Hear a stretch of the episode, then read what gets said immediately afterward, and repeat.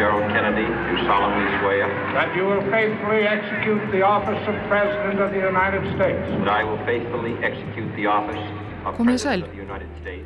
Þann 29. mæ 2017 eru 100 ár liðin frá fæðingu mannsins sem hér talar, Johns Fitzgerald Kennedys, bandaríkja fórseta frá 1961 til 63, eins merkasta og dáðasta stjórnmálamanns bandarískra sögu.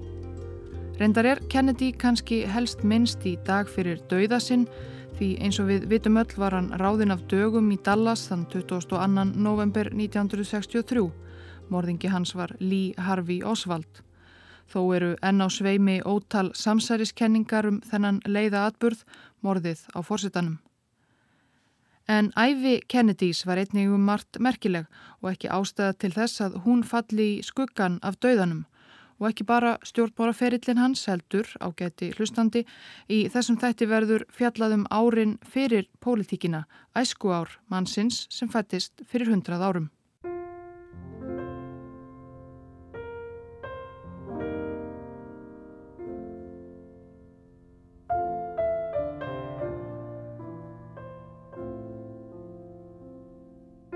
En við byrjum reyndar ekki fyrir 100 árum 1917 heldur tveimur árum fyrr. 25. júli árið 1915 fættist drengur í húsi nokkru við Nantasket strönd í Hull við Massachusetts flóa á austurströnd bandaríkjana.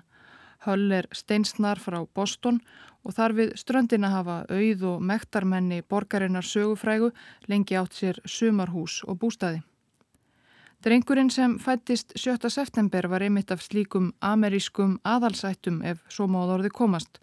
Nú vel ættaður að minnstakosti til að fæðingu hans var slegið upp í borgarblaðinu Boston Post. Þar var viðtal við Ava Pilsins nýfætta. Hann hafði nokkrar vendingar til stráksa. Auðvitað verður hann fórsiti bandaríkjana. Fadir hans og móðir hafa þegar ákveðið að hann fari í Harvard þar sem hann verður í fótbolta og hafnaboltaliðunum og vinnur öll akademisk verlun. Svo verður hann yðnjöfur þar til tíminn kemur að hann verður fórseti í tvö eða þrjú kjörtímabil. Lengra en það hefur ekki verið ákveðið.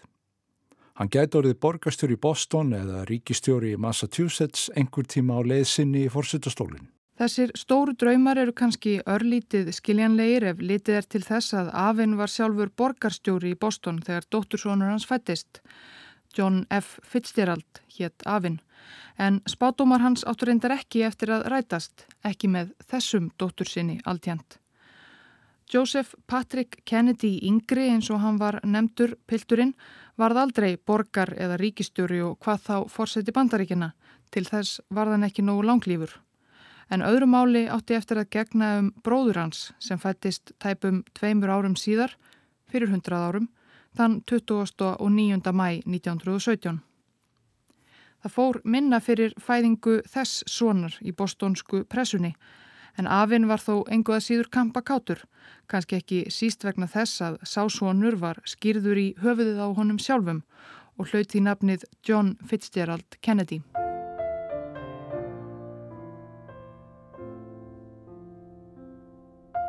John Fitzgerald Kennedy var kominn af bostonsku mektarfólki í báða ætliði.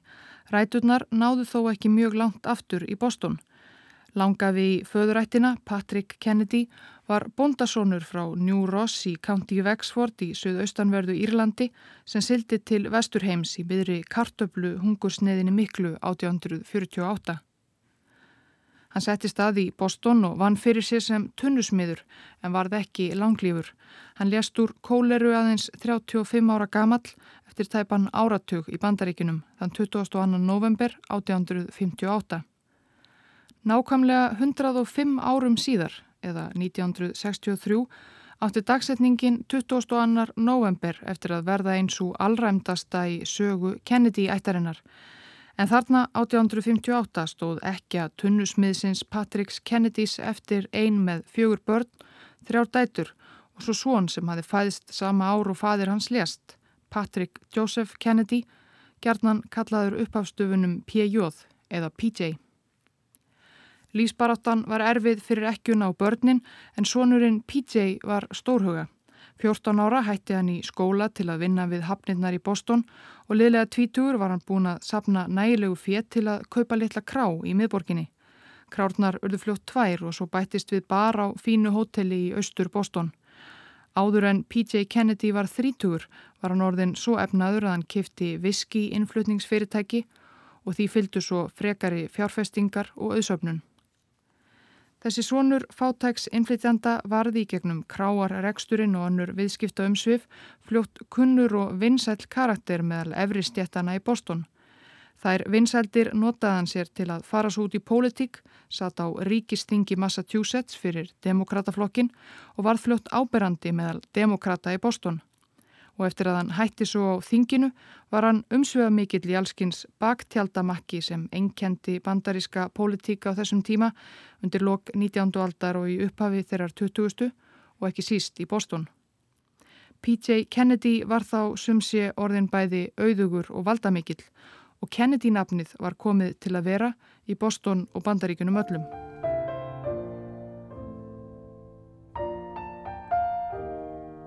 Ótal svipaðar sögur mætti aflust segja frá bandaríkunum um þetta leiti þegar allt virtist mögulegt væri maður nógu duglegur og þrautsegur þegar bóndasinnir frá írskum útnárum gáttu orðið stórlagsar í nýja heiminum eða allavega sinnir þeirra. Saga Fitzgerald fjölskyldunar er allavega svipuð. Árið 1854 þegar kartöflu hungursneiðin mikla var tæknilega séð yfir staðin en aðstæður í írskum sveitum en víðast hvar ömurlegar gafst bondin Thomas Fitzgerald frá County Limerick í miðvestur Írlandi loks upp á Harkinu og sildi til bandaríkjana. Hann setti stað í Boston í norður hluta borgarinnar þar sem byggu margir fátækir írskir innflytjendur við aðstæður sem voru svo sem ekki heldur upp á marga fiska. En Fitzgerald var duglegur. Hann byrjaði á því að selja búsáhöld á gödumúti, fór svo að reyka maturverslun og kifti íbúðir og leiði út til landa sinna. Honum tókst smátt og smátt að skapa sér, konu sinni og börnum þægilega tilveru og gatt sendt börnin sín í góða skóla. Sónurinn John Francis Fitzgerald gekk í einn fínasta drengjaskóla borgarinnar á þessum tíma og að loknu háskólanámi fór hans út í pólitík, tók sæti í borgaráði Boston fyrir demokrataflokkin, svo þingi Massachusetts ríkis og loks í fulltrúadeild bandaríkjathings þar sem hann satt í þrjú kjörtímabil. Hann var vinsætl og þótti svo alúðlegur við kjósendur og almenning að hann hlaut viðunefnið Honey Fitz, Elskan Fitz kannski. Árið 1906 bauð Honey Fitz sig svo fram og var kjörinn borgarstjóri Bostonborgar.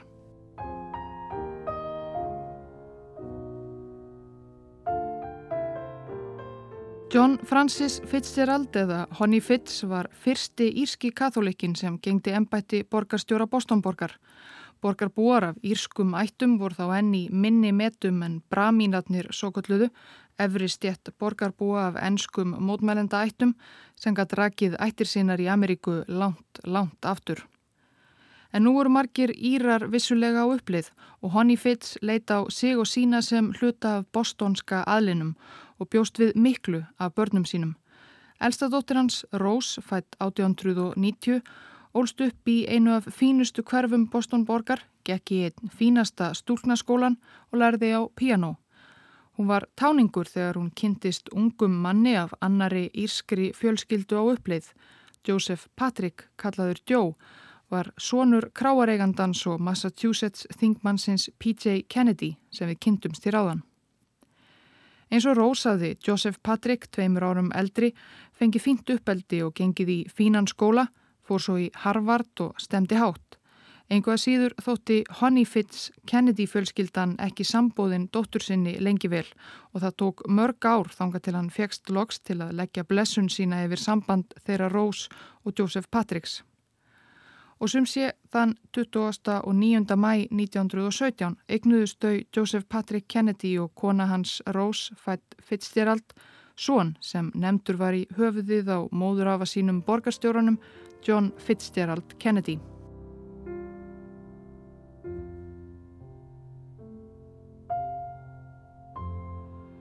Þegar John Fitzgerald Little sem í æsku var ætið kallaður Jack fættist árið 1917 var fadir hans Joseph Patrick Kennedy ekki orðin þrítur en þó orðin einn af auðugustu mönnum Bostonborgar ef ekki bandaríkjana. Hann hafði útskrifast úr hagfræðinámi í Harvard 1912, fór út í viðskipti og var fljótt farin að græða á tá og fingri með hlutabrefa og fastegna viðskiptum og hverskins fjármála braski, stundum með því að nýta sér innherja upplýsingar, en það var ekki búið að setja reglur gegn slíku á þessum tíma í bandarísku fjármáralífi. Í gegnum umsvið Josephs Kennedy varð Kennedy-nafnið enn þekktara, næstum þó ekki alveg, á við eftirnöfn eins og Carnegie, Rockefeller, Roosevelt og Adams, nöfn valdamestu og auðugustu fjölskyldna bandaríkjana um þessar myndir. Auðsöfnun Kennedys helt áfram á fyrstu árum Jacks litla sem ólst því upp við mikla velsælt og forréttindi í stóru húsi í fínu hverfi Boston og glæsilegu sumarhísi á Cape Cod á sumrin. Þjónustu fólk og barnapýjur snerust í kringumann eins og aðra í fjölskyldunni og fjölskyldan varð fljótt mjög stór. Þau Joseph og Rose Kennedy eignuðust alls nýju börn. Það var þó eldri bróðurinn sem hafði mest áhrif á æsku Jacks litla, Joseph Patrick Yngri eða Joe sem var tveipur árum eldri. Það var hann sem átti að verða fórseti sangkvæmt spátdómi móður af hans og hann var stærri en Jack, sterkari en Jack, betri námsmaður en Jack, betri fótbolta en Jack og svo framvegis. Þeir bræðurnir slóust og keftu stöðugt á æsku árum sínum en Jack sá heldur ekki sólina fyrir eldri bróðurnum. Það segi kannski sitt um þá velmegun sem Kennedy fjölskyldan bjó við á þessum tíma að Jack litli Kennedy varð lítið sem ekkert var við kreppuna miklu Árið 1930 var Jack 13 ára í kathólskum heimavistaskóla. Þar var hann miðlungsnámsmaður en komið með áhuga á fréttum og þjóðmálum, nokkuð sem gætt verið erfitt að fylgjast með í lokuðum heimi heimavistaskólans. Hann skrifaði eldribróður sínum til að mynda. Getur þú sendt mér tímaritið Literary Digest því ég vissi ekki af hlutabrifarhunnu fyrir löngu síðar? Eða dagblað. Getur þú líka sendt mér golfkúlur? Síðar á lífsliðinni saði Kennedy þegar bladamadur indi hann um reynslu sína af kreppunni miklu. Ég hef enga reynslu af kreppunni frá fyrstu hendi. Fjölskyldan mín átti eina af heimsins mestu auðafum og þá voru við ríkari en nokkru sinni fyrr. Við áttum starri hús, voru með fleiri þjóna og ferðuðumst meira. Það eina sem ég varð varfið var að fadur minn réð nokkra auka gardirkjumenn bara til að gefa þeim eitthvað að gera svo þeir getur komist af. Ég vissi varla af kreppunni fyrir en ég lasum hana í Harvard. Annað sem enkendi æsku Jacks Kennedys voru stöðug veikindi og lasleiki. Allt frá því að hann var smábatn og langt fram á unglingsár þjáðist Kennedy af hverjum sjúkdómnum á fætur öðrum. Hann fekk skarlatsótt, hlaupabólu, erðnasíkingar, botlangabólgur og fleiri dularfullar síkingar og verki sem læknar hans áttu erfitt með að greina og meðhandla. Að auki var hann veikburða og allt of grannur og léttur með að við hæð og aldur. Stöðug veikindi gerði það verkum að Jack hatt aldrei synd námi sínu almennilega og hann var svo sem aldrei mjög mikill námsmaður, allaveg ekki á borð við eldri bróðurinn Joe sem skaraði fram úr í náminu sem öðrum. Þegar Jack var 14 ára fór hann í tjót engjað drengjaskólan í Connecticut þar sem bróður hans var fyrir og þar var hann alltaf í skugga, hrausta, duglega, greinda eldri bróðursins sem átti hug og hjörtu, kennara, samnemenda og ekki síst fjölskyldunar. Sýrlagi hjælt fadir þeirra, Joseph Kennedy eldri, meira upp á elsta afreiksónin en þann veiklulega næstelsta og það fór ekki fram hjá Jack. Það var öllum Kennedy börnunum ljóst að í þessari fjölskyldu væri ekki í bóði að vera miðlungs og ekki næst bestur heldur bestur Kennedy börnin áttu að skara fram úr á öllum sviðum og þegar Jack gerði það ekki varð fadir hans óonæður. Í november 1933, þegar Jack var 16 ára, skrifaði fadir hans skólastjóranum í tjót engaskólanum. Ég get ekki lísti hversu vansætli ég varð að sjá og ræða við Jack. Hann virðist skorta alla ábyrðakent. Þetta léttlindi hans og kæruleysi veit ekki á gott fyrir framtíðar þróun hans.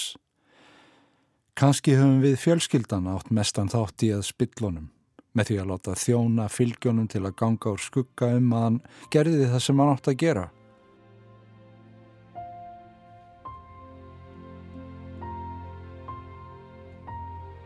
Jack Kennedy útskrifaðist úr drengjaskólanum 18 ára gamall sumarið 1935.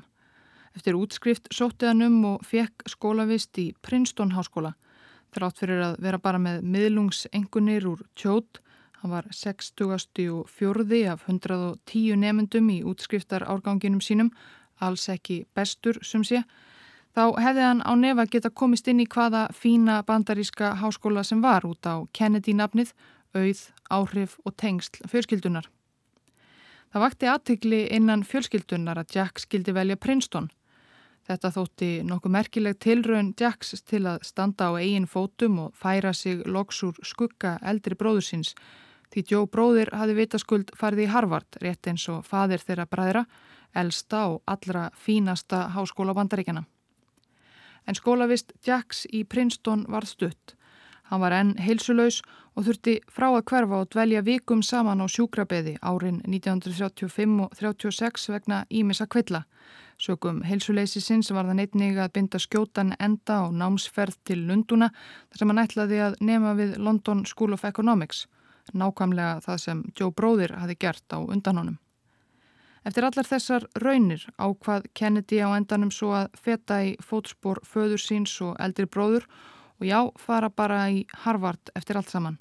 Þar fekk hann líka snarlega pláss enda sonur föður síns og bróðir bróður síns. To appreciate fully Harvard's age and historical significance, one should enter the yard by Johnson Gate and pause for just a moment to read at least a part of the inscription, so eloquent of the vision and courage of the Puritan settlers. My, my name is John F. Kennedy. Hér rétt áðan heyrðum við uppafið að fréttamyndum Harvard sem gerð var sama ár og John Fitzgerald Kennedy eða Jack hóf þar nám 1936 þegar þessi elsti háskóli bandaríkjana fagnaði hvorki meirinni minna en 300 ára afmæli. En þetta, þetta er rödd John F. Kennedy eða Jacks eins og hann var enn kallaður tvítugs Harvardsnema árið 1937. Þetta er öllum líkindum elsta upptakan þar sem heyram á rödd fórsettans tilvonandi. Þannig er hann á ræðunámskeiði í skólanum og ræðir málefni umdelds dómara Hugo Black sem Roosevelt fórseti hafði þá nýlega skipað í hæstarétt bandaríkjana. Harvard Háskóli gerði nýverið þessa upptöku ofinbera í fyrsta sinn sem hluta af síningu um námsár þessa nafntógaða nefnda.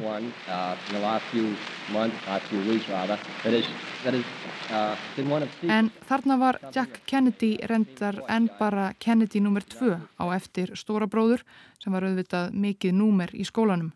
Í Harvard var Jack áfram bara miðlungsnámsmaður og miðlungsýþróttamæður. Hann var of grannur til að koma stað í ameríska fóboltanum og kæfti þessi stað í sundi. Hann naut sín þó af öllu að dæma í skólanum og gatt sér fljótt orð sem bæði partiljón og kvennabósi.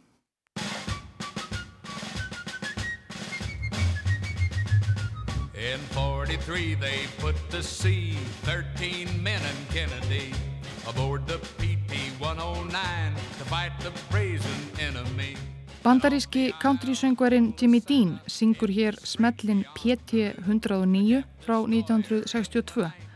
Lægið fjallar um afreg Johns F. Kennedy sem þá var orðin fórseti bandaríkjana á heimstýraldarárunum. Nána tiltekið á hraðbáttunum PT 109 sem lægið er nefnt eftir.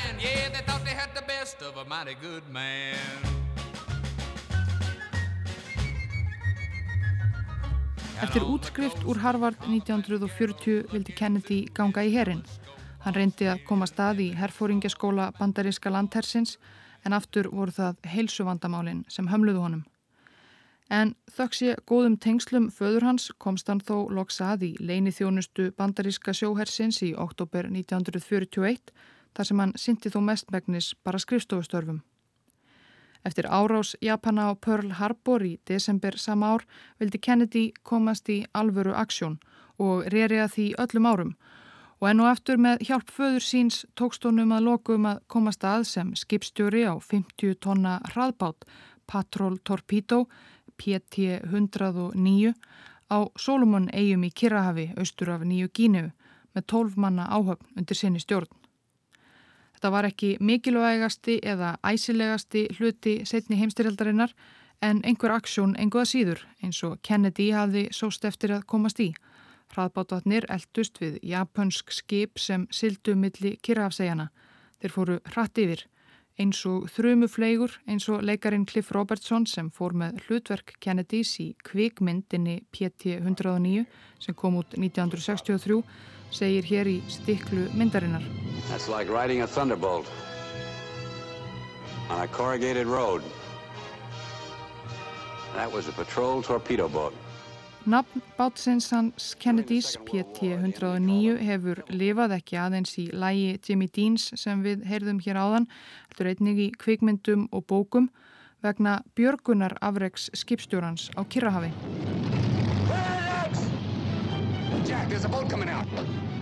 Aðfara nótt annars ágúst var PT-109 á ferð í niðamirkri þegar annar undirfóringja Djaks bendi á þúst sem skindilega byrtist í myrkrinu. Fáinum andartökum síðar sáu þeir að þústinn var japanskur tundurspillir. Svo hljóðar æsileg frásögn tímaritsins Fálkans af PT 109 frá 1964. Hún er gott dæmi um þann hetuljóma sem sagan var sveipuð í þegar Kennedy var lönguorðin heimsfrægur. Það skipti engum tógum að stálstefni tundurspillisins skall á stjórnborslið hraðbátsins og klauvan í tvend.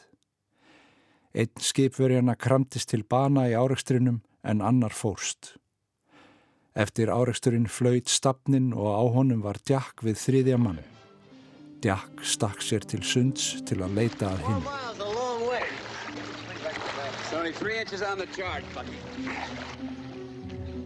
Hann heyrði hróp eins manna sinna sem hloti hafði áverka á fótlegg og átti óhægt um sund.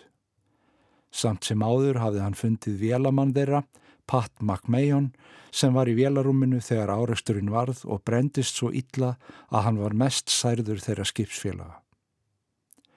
Þegar Jack náði til þeirra stundi McMahon, farið skipstjóri, það er úti um mig. Jack þreyf í björgunarbelti McMahons og fór að draga hann í átt til stapsins. Næstu klukkustundirnar hengu Kennedy og eftirlefandi menn hans á því sem eftir var af hraðbátnum. En eftir volk alla nóttina byrjaði stapnin og annað brakað hverfa ofan í hafdjúpið. Kennedy var ljóst að ef að þeir ættu að lifa þetta af, yrðu þeir að synda af stað. Sjálfur var Kennedy upplugur sundmaður en það sama gildi ekki um alla í hópnum.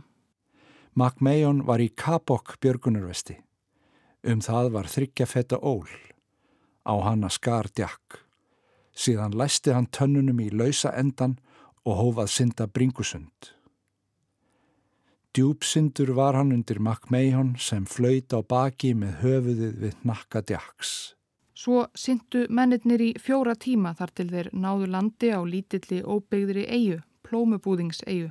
Þeir þurftu að hafa varan á sér því Japanar gáttu leinst hvar sem var. Djakk átti erfitt með að komast lengra upp í fjöruborðið. Hann hafði sopið sjófið það að synda með ólina millir tannana. Hann seldi upp þegar hann ætlaði að rýsa á fætur, uns hann nýja örmagna niður. Stuttu eftir að skipsfélagar þeirra höfðu stíð á land og gengið upp af ströndinni inn í skugga trjána, heyrðu þeir til japansks herbáts sem framhjá fór. Þar skall hurðnar í hælum. Ef þeir hefðu verið fáinum mínútum setni, hefðu þeir komið í fang Japanum. Síðar endur tók Kennedy leikin og eftirlifandi skipsverjarnir syndu yfir til annarar stærri eigu. Ekki minna afreg. Þar rákust þeir á innfætta eigaskeggja sem fluttu svo neyðarskilabóð frá skipbrótsmönnunum í kókosnætuskél til næstu bandarísku hermana. Þannig var mönnum Kennedys loks bjargað. Af 13 mönnum um borði í PT 109 þegar báturinn sökk komust 11 lífsaf, ekki síst sökum snarræðis skipstjórans.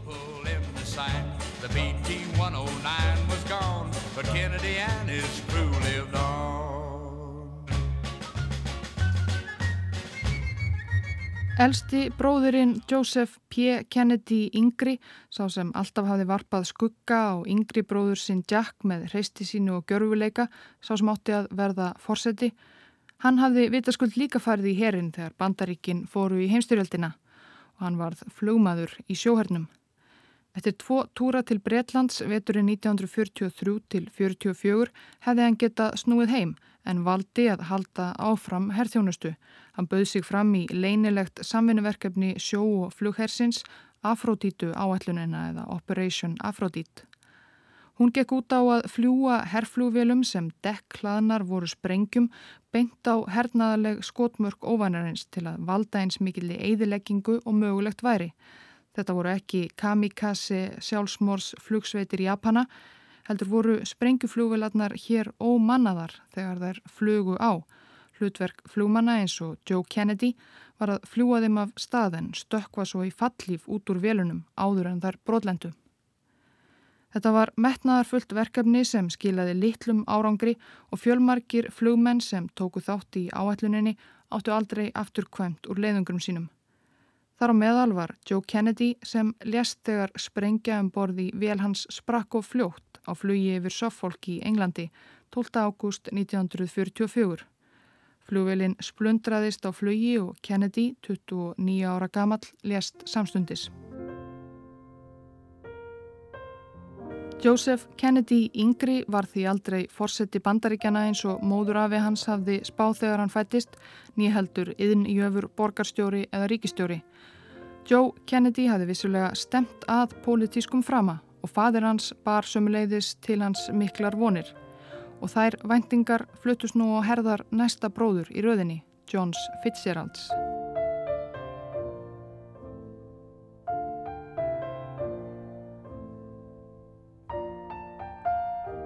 Þegar eldri bróðurinn Joe lést var John Fitzgerald eða Jack enn á herspítala að ná sér eftir raunirnar á Kirrahafi. Hann var að lókum útskrifaður úr hernum með sæmt og fekk heiðusmerki fyrir Björgunar afreksitt sem skipstjóri PT 109. John F. Kennedy var vel rittfær og hafði þegar þarna var komið sögu þegar gefið út meðsölubók. Það var lokarítgerð hans frá Harvard sem fjallaði um hlut breyta í munhjén samningunum í september 1938 þegar stólveldi Evrópu leifðu Þískalandi Adolfs Hitlers að leggja undir sig hluta Tjekkoslovakíu. Rítgerðin fekk hæstu engun en var þó í grunninn bara lokarítgerð 23 ára gamals háskólanema en Joseph P. Kennedy, fadir Johns Fitzgeralds, var svo mjög í mun að upphefja nafn sonarsins að hann stóða því að rítgerðin er gefin út sem bók árið 1940 með titilinn Why England Slept eða Hvers vegna England svaf. Það er vísun í bók Winstons Churchill um uppgang Þýskalands nazismans While England Slept eða á Meðan England svaf. Umfyllunarefnið var pappagamla Joseph Kennedy ansi nátengt. Gamli maðurinn var þarna í gegnum tengsl sín við Franklin Roosevelt bandaríkjaforsetta og aðra topp-politíkusa orðin sendiherra bandaríkjana í Breitlandi en heyrum meira af því hér aðeins síðar. Bókinans Jacks seldist vel bæði í Breitlandi og bandaríkunum þó að sumum stjórnmálaspekulandum í Breitlandi finnist hún bera þess merki að vera skrifuð af óhörnuðum ungum manni. Höfundurinn notaði ágóðan af útgáfinni til að kaupa sér blæjubíl Svo skall stríðið á af fullum þunga en John F. Kennedy tók sum sé aftur upp pennan að stríðinu loknum. Eftir að hann hafi náð sér af öllum sárum og rakningum á herspítala var stríðinu lokið. Joseph Kennedy rettaði þá starfi fyrir svonsinn gegnum vinsinn bladakonungin mikla William Randolph Hearst. John F. Kennedy, 28 ára og nýjútskrifaður af spítala, var þá snarlega munstraður upp sem sérstakur frettaritari bladaveldis herst í Evrópu. Berlin, capital without a country. Sumarið 1945 ferðaðist John F. Kennedy um Evrópu sem var þá nýlega laus úr viðjum heimstyrjaldarinnar. Hann fylgdist með ferðum Winston Churchill sem Breitland í aðdraganda bresku þingkostningana 1945 fór á ráðstefnu leðtóa bandamanna í Potsdam og virti fyrir sér gífurlega eðilegginguna í Berlín og fleiri þýskum borgum. Þó hann væri mikið fyrir að skrifa helt Kennedy ekki dagbókað staðaldri, korki sem ungur maður nýja síðar á æfinni, en á þessum ferðum sínum í Evrópu skrifaði hann vissulega dagbók og svo bók, 61 síða af dagbókarskrifum, var seld á uppbóði í Boston núna nýverið.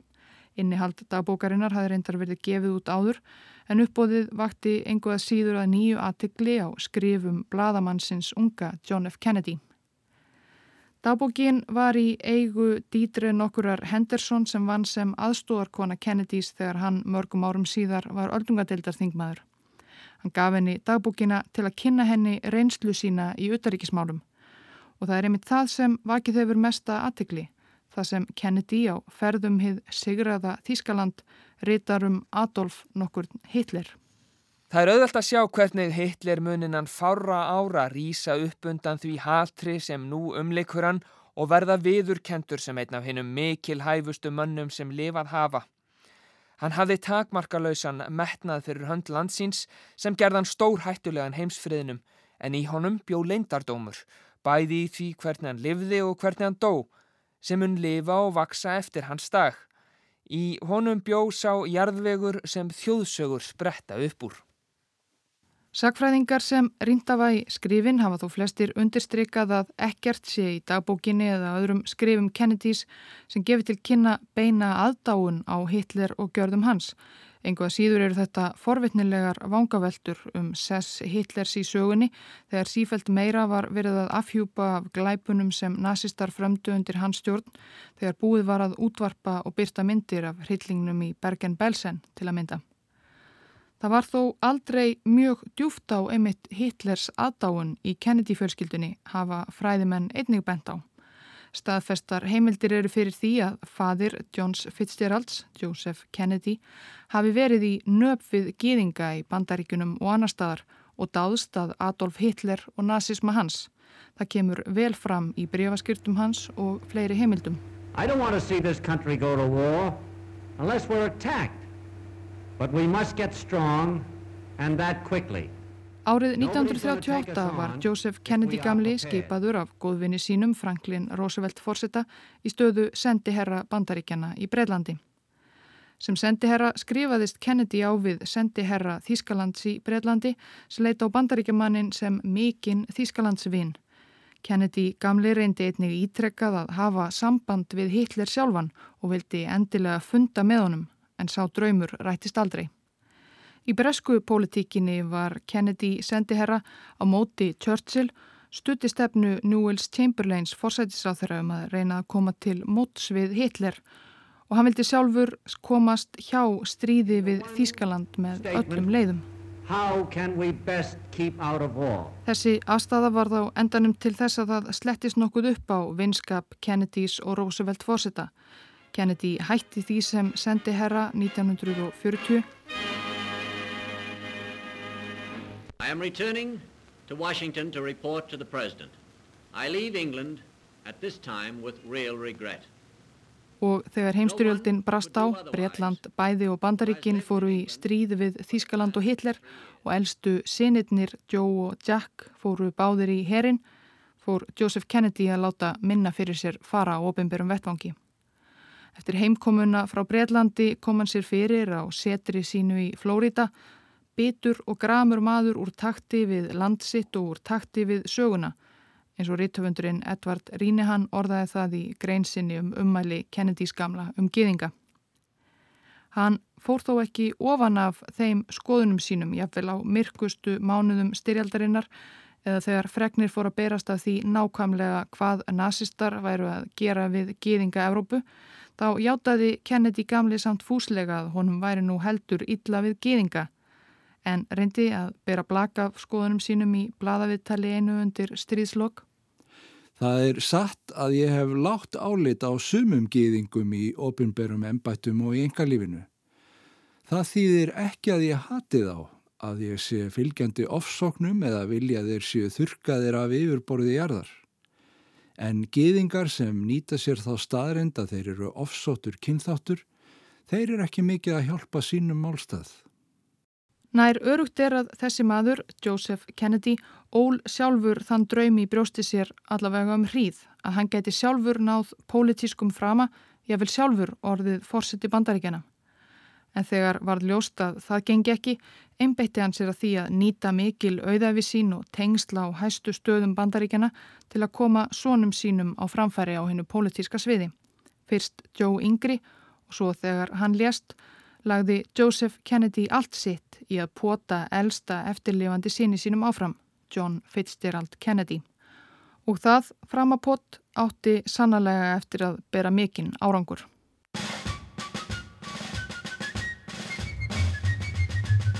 In 43 they put to sea 13 men and Kennedy aboard the PT-109 to fight the brazen enemy.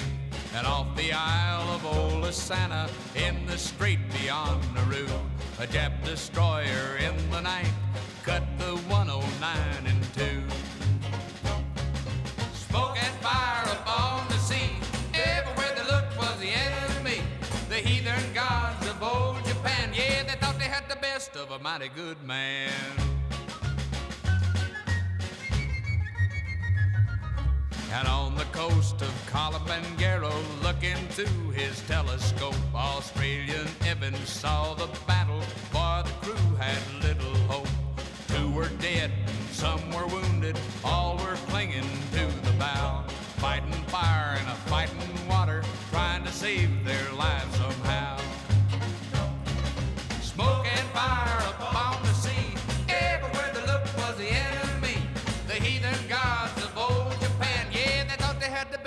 mighty good man.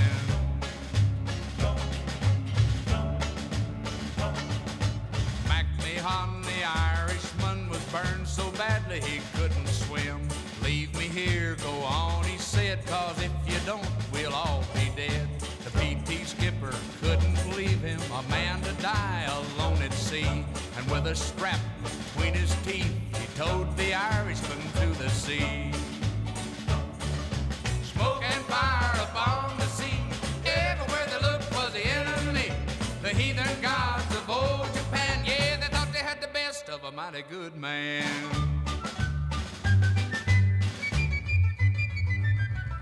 He led his men through waters dark, rocky reefs and hungry sharks. Braved the enemy's bayonets, a 38 hung round his neck.